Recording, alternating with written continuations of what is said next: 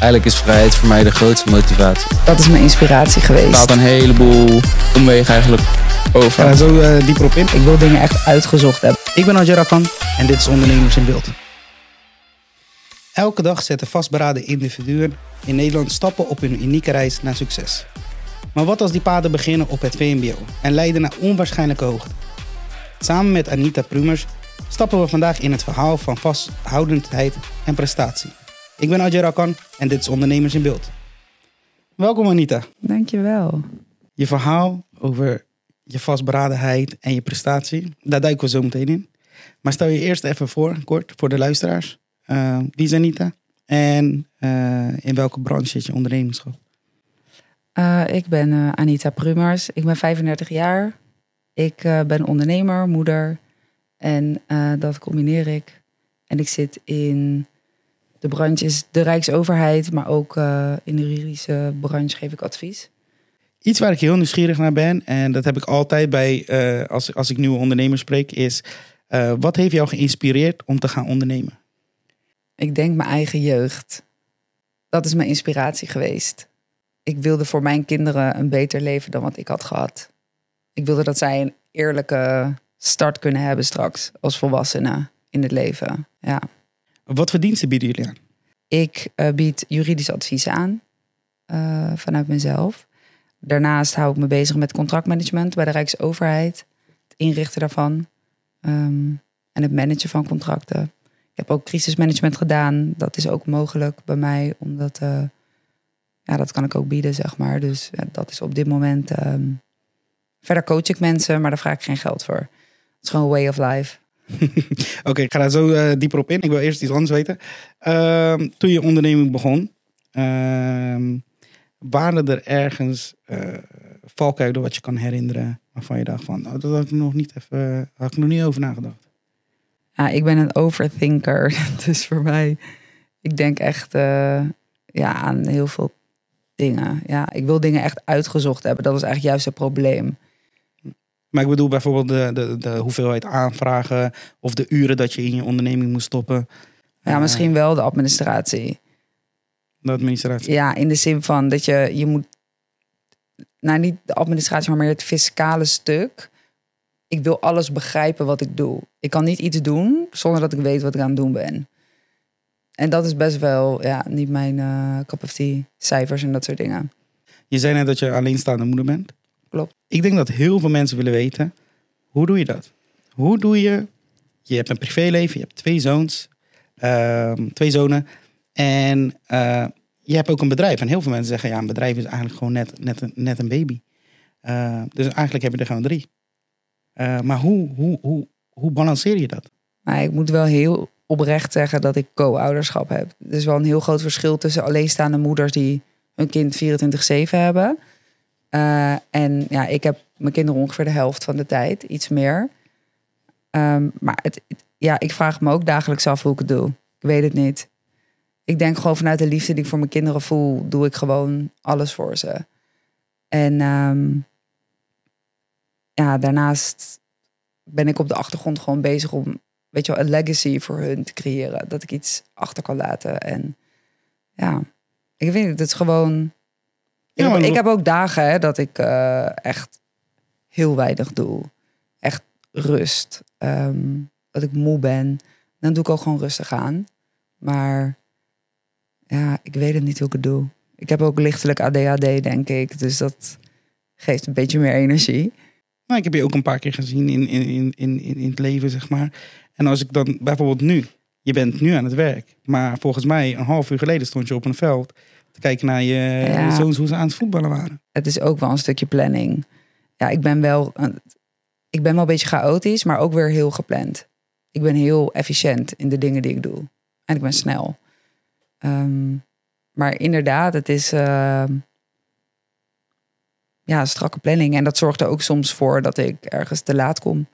Weet je, we hadden dat ook. ja, dan zeg ik toch van, joh, ik ben iets later, want... ehm, en er kan gewoon altijd wat tussen komen. En dat is wel vervelend. Ja, als een van je kinderen ziek is of...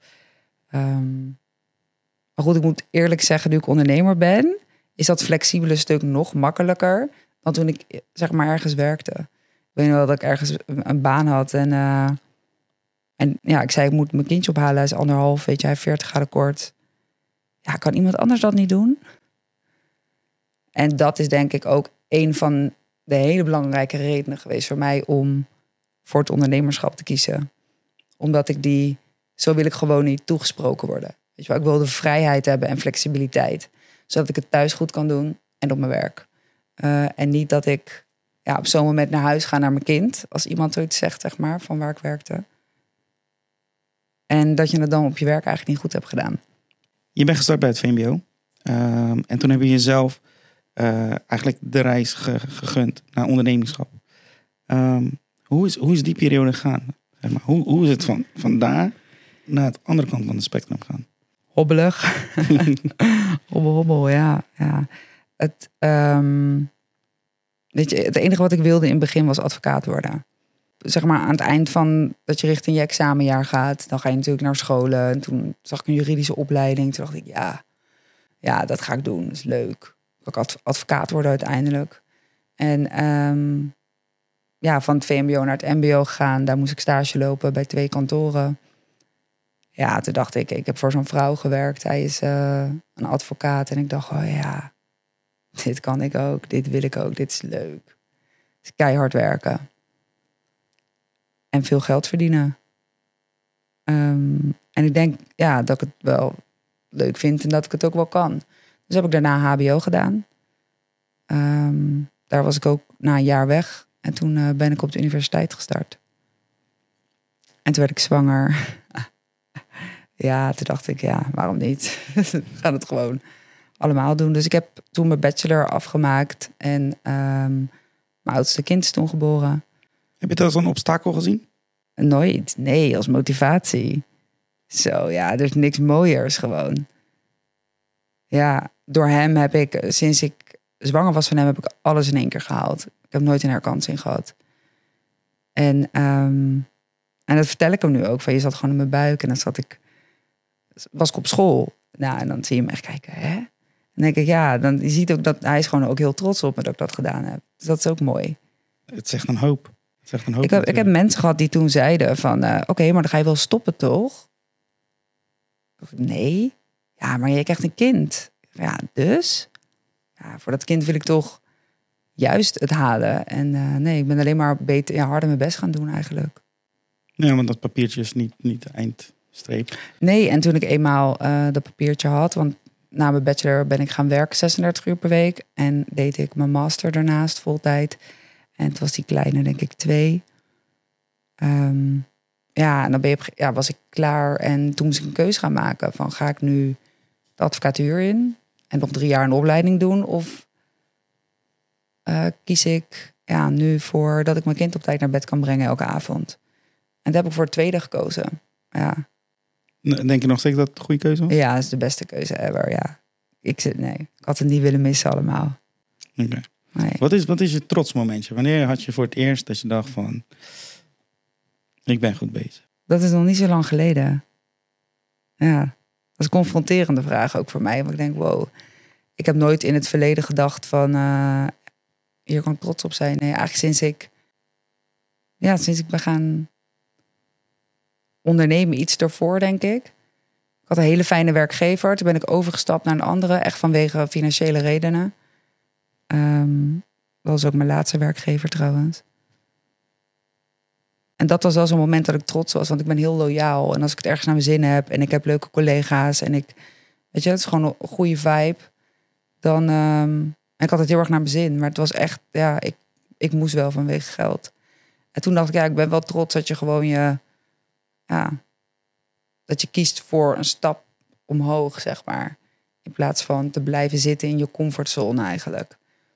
En dat is wat, wat veel mensen natuurlijk uh, doen. Dat is veilig. Ja. ja. het is veilig en je probeert en dan is het meestal volgend jaar. Uh, ja. Dan heb ik weer een, uh, een review.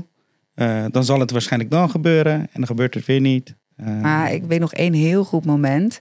Dat is een vrouw en zij is altijd heel inspirerend voor mij geweest. ik heb niet een hele goede band met mijn moeder. En um, bij deze vrouw, zij was ook heel ambitieus en slim en heeft me ook geholpen met brieven schrijven voor stages en dat soort dingen toen ik jong was. Een soort moederfiguur, zij voor mij.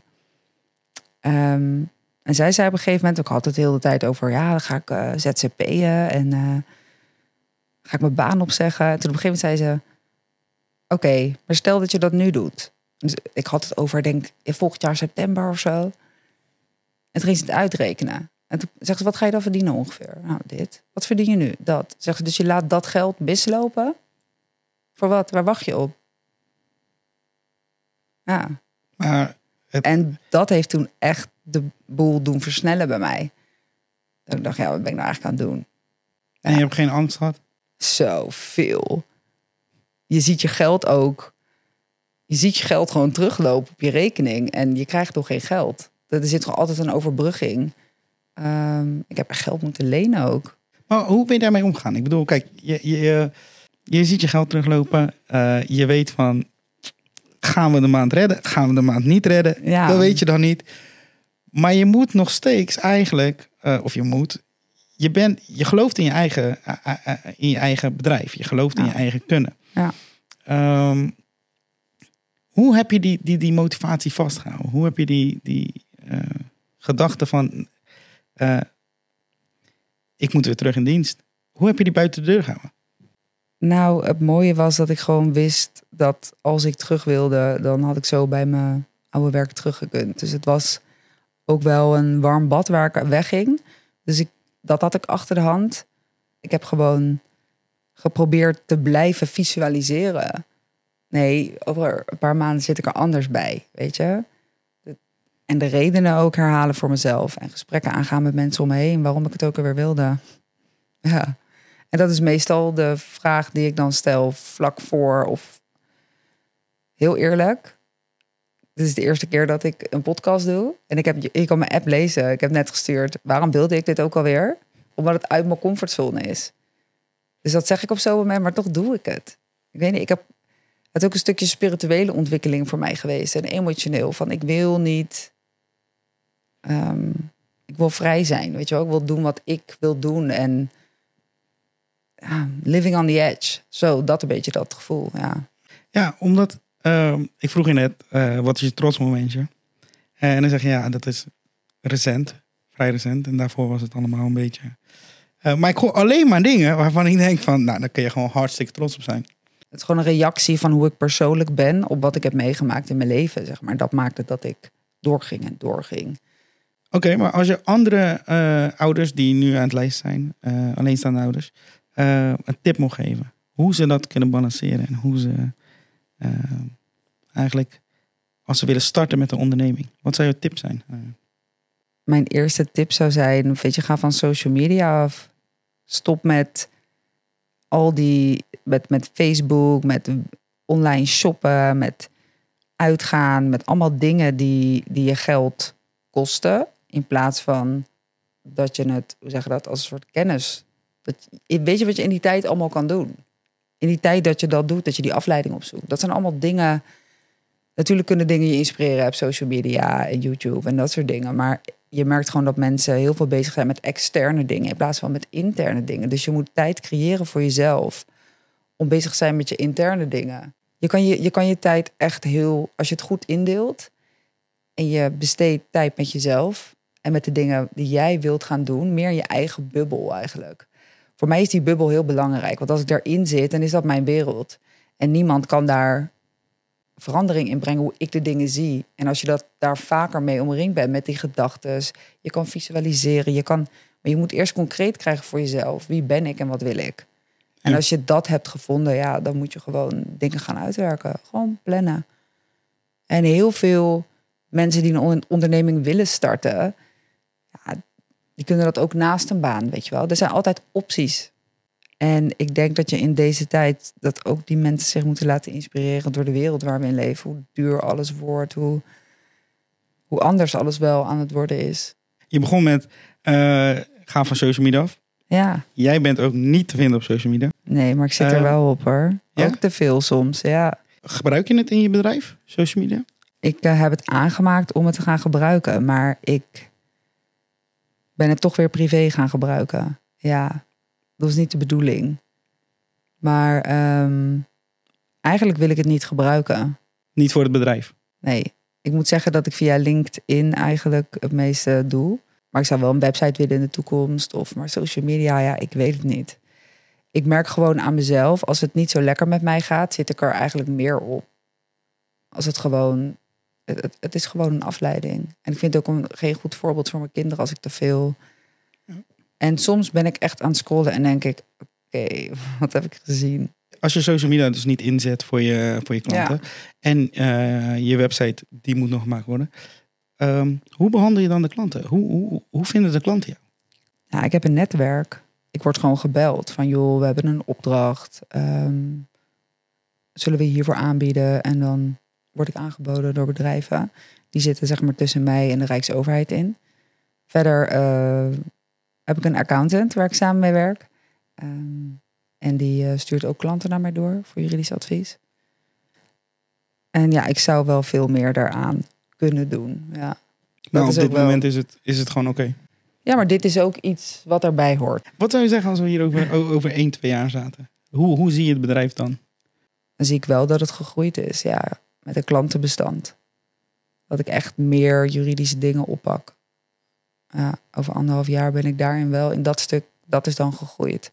En als het staat, dan kan ik weer andere dingen gaan doen. Ik ben ook bezig met de opleiding om holistisch coach te kunnen worden. Eh vind ik ook heel interessant. Nu zit ik nog heel erg in mijn eigen proces. Dat blijf je ook altijd. Maar ik merk dat er nu weinig ruimte voor is. Maar uiteindelijk wil ik dat ook gaan doen. Toen je het bedrijf ging opzetten, ehm, wat was echt een uitdaging? Kijk, ik benader het leven altijd een beetje holistisch, op meerdere lagen. Dus het had ook op meerdere manieren waren er uitdagingen. Ik eh, had mijn eerste opdracht in Utrecht, daar zit ik nog steeds. Dus het was een uitdaging praktisch gezien. Ehm, en het is voor mij ook, omdat ik moeder ben, werk ik ook graag thuis. Dus daarin moet je ook altijd een beetje aanvoelen hoe dat, of dat kan. En hoe, weet je wel, het is toch een beetje voelen. Ehm, maar ook emotioneel van, oké, ben ik hier wel? Kan ik dit wel? Wat, verwa- verwachten, ze, wat verwachten ze eigenlijk? Gewoon dat je in die, ja, van ben ik wel echt goed genoeg om mezelf, eh, weet je, dat het, het, is wel je opdrachtgever. Het is niet, ja, je werkgever. Dat er zit echt een verschil in voor mij. Maar ik denk, je, zet een, je, zet, je moet een prestatie leveren eigenlijk. Ja, je kan, je kan niet zeggen, ik doe het morgen. Je moet gewoon knallen en je moet maar zien of je daar je weg vindt. En ehm, en dat stuk, dus dat. En de uitdaging zat er ook in financieel. Er zit ook gewoon een onzekerheid in op, op, op veel gebieden, wat uitdagingen brengt eigenlijk. Ja. Maar als ik naar jou kijk en hoe jij praat en hoe, jij, hoe ik je ook een beetje ken nu. Ehm, je, bent niet, je komt niet onzeker over. Nee, nee, ja, ik heb eh, mijn, ja, mijn beste vriendin, eh, die ken jij ook, heb ik ontmoet bij eh, een werkgever waar we allebei tegelijkertijd werkten. Wij waren altijd, ja, allebei waren we wel nerveus als we daar iets moesten presenteren. Ehm, maar we deden het en we keken naar elkaar. En ik weet nog wel dat ik een keer zei, nou, ik stond helemaal, ik had het echt heet en ik stond er wel een beetje te trillen. Zij zei, nou, dat zag je niet hoor, vrouw. Je zag er gewoon echt, eh, nou, nee, dat, zo kom je echt niet over. En dat zinnetje zal ik altijd blijf, bij mezelf blijven herhalen, zeg maar. Dat heeft ook echt wel, ja, grote betekenis voor mij gehad. Ik denk dat het echt een hele goede skill is. Van hoe dat- kom je over en hoe voel je je zijn twee totaal verschillende dingen. Ja, Is het ook echt zo dat op het moment dat jij voor de deur staat, dan is het gewoon een en ander nerveusheid. En het moment dat je binnenloopt bij een klant, dan is het gewoon nieuwe Anita. ja maar je gaat gewoon je gaat je ding doen. Tenminste, ik vind het heerlijk om mensen te helpen bij juridische dingen. Ik vind het leuk om het uit te zoeken. Ik vind het leuk om met een antwoord te komen. Ik vind het leuk om mensen te helpen. Ik vind het een compliment als mensen mij vragen om hun te helpen. Eh, bij mijn vriendinnen en zo doe ik dat natuurlijk gewoon eh, ja, vanuit liefde en niet voor geld. Ja, ik weet niet. En dan zit ik gewoon in mijn, in mijn element. Ja, dan doe ik waar ik goed in ben. Bellen veel vrienden, familie, kennen ze je op eh, voor juridisch advies? Het gaat met eh, ups en downs. Eh, Ja, ja, ja, het leven. Hè? ja, ja, ja. Ja, wekelijks, wekelijks. Nee. Je hebt je speciaal ge- gespecialiseerd in bepaalde eh, vakgebieden. Ehm, wat doet dat voor jouw bedrijf? Waarvoor heb je daarvoor gekozen? En, en hoe beïnvloedt dat jouw bedrijf? Ik heb echt eerst gekozen voor civiel recht. Nou, dat gaat over contracten, zeg maar. Dat is waar ik wel gespecialiseerd in ben. Maar toen ben ik eigenlijk gaan werken met contracten. Dus toen leerde ik het ook te managen. En ja, dat, dat maakt mij heel erg interessant om die twee dingen te kunnen combineren. Ehm, wat je eigenlijk doet met contracten bij de Rijksoverheid dan. Daar wordt bijvoorbeeld software mee ingekocht. Maar dat is dan voor, ehm, ja, voor een hele overheidsorganisatie. Dus dat is best wel een groot contract. En wij moeten die spullen krijgen en zij moeten betaald krijgen. Dus dat zijn. Maar vervolgens kan ik ook als jurist dat contract anders benaderen. Dus dat is. Ja, het, heeft, het, heeft, maakt me wel waardevol. Ja. En ik ga er ook weer van alles bij doen uiteindelijk. Ik heb zoiets van ja. eh, ICT, certificering, ehm, bouwkundige certificering. Het zijn allemaal dingen die, je, die laagdrempelig zijn, die je kan behalen, waardoor je voor bepaalde klussen interessant wordt. Maar dit is een heel juridisch gedeelte. Maar je, Ja, hebt, net, waar. Je, hebt, je hebt net ook verteld dat eh, je ook wil coachen. Ja, klopt. Dat is natuurlijk ook gewoon een en al ondernemen. Ehm, Ja, ja. Maar dat is echt iets heel anders. ja, dat is een hele andere branche. Ja. En, en wil je dat dan combineren? Of wil je dat... Ik weet het niet. Nou ja, ik heb het er wel eens over gehad. Dat ik bijvoorbeeld denk, ehm, ik heb een hele goede eh, co-ouderschapsrelatie. En ehm, ik merk om me heen als mensen uit elkaar gaan, dat dat voor ja, vaak toch wel voor problemen zorgt. Ehm, en dat kinderen daar ook bij betrokken zijn. Dus ik heb het wel eens over gehad dat ik dacht, ja, misschien moet ik dat soort mensen gaan coachen. Dus enerzijds eh, mediation aan gaan bieden, waarin je mensen helpt om er samen uit te komen, contractueel. En anderzijds om ze te coachen richting een mooi co-ouderschap. Dus dat is bijvoorbeeld een idee van mij waar ik dan mee bezig ben. Ik denk, ja, de coaching is echt gericht op, is echt zodanig breed. Ik geloof ook als jij bijvoorbeeld ondernemer wil worden, dat dat is bij binnen van jou dat, het, dat je het nog niet gedaan hebt als je dat wil doen. Er zit iets om mee aan de slag te gaan voor jezelf. Eh, als je in een comfortzone blijft zitten en niet groeit en niet eh, de dingen doet waar jij gelukkig van wordt, dan zit daar iets om mee aan de slag te gaan. En dat is waar ik mensen bij wil helpen. Maar ook daarna kan ik mensen nog helpen. Zeg maar. Het is, ja, Je vindt het gewoon mooi. Ik vind het gewoon mooi hoe mensen zelf kunnen groeien en daarin hun hele leven kunnen laten groeien, zeg maar. En ook mensen om hen heen inspireren. Stel je voor, eh, er zit een kind in een eh, klaslokaal op de VMBO. Die zou voor whatever reason deze podcast luisteren. Eh, wat voor tips zou je hem geven? Als die, als die met de gedachte zat van ik wil ondernemer worden. Ik denk dat je mm, de intrinsieke motivatie moet hebben. Dus op het moment dat je dit kijkt en je hebt dat. Ja, de, de ultieme tip is gewoon ja, doorgaan. Doorgaan. Laat je gewoon, weet je, hobbels horen, horen erbij in het leven. Tegenslagen horen erbij. Uitdagingen horen erbij. En die krijg je op je pad met een reden. Dus grijp het aan. Haal er een les uit en ga door. Vind je dat je goed omgaat met die hobbels? Nee, niet altijd. Nee, ik ben ook heel streng voor mezelf namelijk. Iedereen heeft zo'n rechtertje in zijn hoofd. Die zegt, nee, dat is niet goed wat jij doet. Heb ik ook. Ja, dus eh, soms ben ik heel streng voor mezelf. Even terugkomen op je twee zoontjes. Stel je voor, een van hun wil gaan ondernemen. Wat zou je tip zijn? Praat met mensen erover. Begin zoveel mogelijk kennis te vergaren om, eh, ja, om te weten waar je echt aan gaat beginnen. En ga het gewoon doen. En je hoeft niet alles te weten voordat je die stap zet. Je kan ook aan dingen beginnen zonder dat je weet hoe alles in elkaar zit. Ga het gewoon doen. Zou je eerst willen dat hij in een vaste dienst ging? Ik zou wel geneigd zijn om te zeggen: ga maar in vaste dienst. Ja. Maar het ligt er een beetje aan wat het idee is, eigenlijk. Als het echt wel. Natuurlijk ben ik moeder, maar ehm, ik ben ook ondernemer. Dus als ik daar een goed idee in hoor, ja, dan eh, wellicht leg ik gewoon geld neer om te investeren. Is het, is het ondernemerschap ook bevredigend voor jou? Ja. Ja en nee. Had je het je zo voorgesteld? Nee, ik had er geen, dat was het probleem. Ik had er echt geen voorstelling van. Dus, dus het is wel bevredigend in heel veel opzichten. Ja.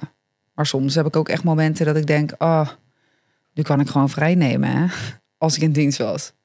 Gewoon kunnen zeggen, joh, ik ga met vakantie drie weken. Ja, nu, eh, nee. Of dat je gewoon op vrijdag je laptop dichtklapt en denkt, het is weekend. Ja, dat werkt niet zo. Als je, weet je wel, een aantal klanten hebt waar je dingen voor moet doen, moet je gewoon in de weekenden door en de avonden door. Ja. Wat heeft het gedaan met jou als persoon? Eh, hoe ben je zeg maar, gegroeid? En, en, en waaraan kan je dat zien? Nou, ik denk aan het feit dat ik hier zit. Dat is echt, als iemand dit een jaar geleden tegen me had gezegd, dan eh, ja, dacht ik, nee, ik. Nee, joh. Nee, je zou nooit de podcast opnemen doen? nee, maar dat is ook gaan groeien. Want dat wat ik doe, wat ik heb gedaan in mijn leven, is inspirerend. En dat begint ook steeds meer zo te voelen. Weet je, soms zie je iemand voorbij komen en dan hoor je waar iemand vandaan komt en wat iemand bereikt heeft. En dan heb ik het niet alleen over geld en succes, maar gewoon als persoon waar iemand dan staat. En dan denk ik, ja, dat vind ik zo inspirerend. En ondernemerschap staat voor mij echt gelijk aan groei.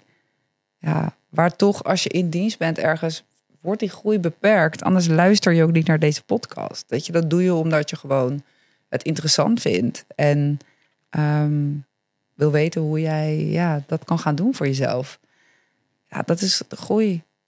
Ja. Gewoon doen. En dat vraagt ook weer persoonlijke groei.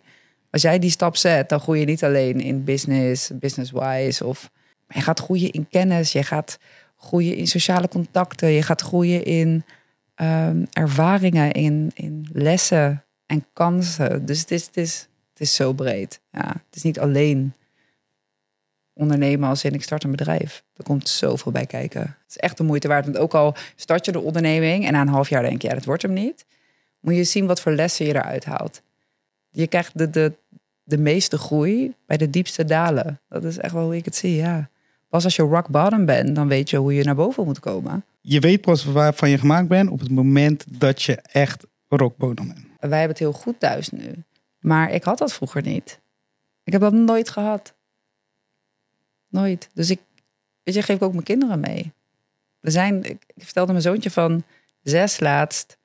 Er zijn, toen had hij gedoucht en hij wilde niet douchen. En toen zei ik, er zijn kindjes die hebben geen douche. Er kindjes die hebben niet eens eh, stromend water. Hebben ze geen kraan? Nee.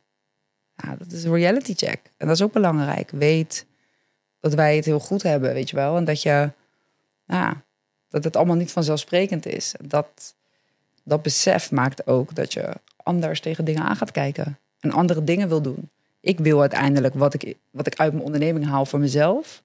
Wil ik, weet je, mijn kinderen meegeven. Maar ook de wereld een stuk beter mee maken. Dat is toch alleen maar mooi. Denk je daar vaak aan terug? Ja, ik ben heel dankbaar dat dat gebeurd is.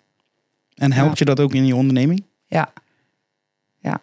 Gewoon soms even een reality check. Even een beetje nuchter blijven kijken naar dingen. Maar het geeft mij echt de kracht om te zorgen dat eh, mijn kinderen dat niet zo hebben. Ja, ik doe daar niet moeilijk om. Ja. Maar ik leer ze wel dat materie materie is. En dat je daar geen waarde aan moet hechten. Je hebt mij in ieder geval heel erg geïnspireerd. Eh, bedankt voor je komst, Nita. Eh, ik vind het echt heel mooi hoe vastberaden je bent en hoe je gewoon door bent gegaan en eigenlijk ja, nu gewoon een mooi bedrijf in handen hebt. Dit was Ondernemers in Beeld. Ik ben Ajay Rakkan en tot de volgende keer. Eigenlijk is vrijheid voor mij de grootste motivatie. Dat is mijn inspiratie Het geweest. staat een heleboel omwegen eigenlijk over. Ga er zo eh, dieper op in. Ik wil dingen echt uitgezocht hebben. Ik ben Ajay Rakkan en dit is Ondernemers in Beeld.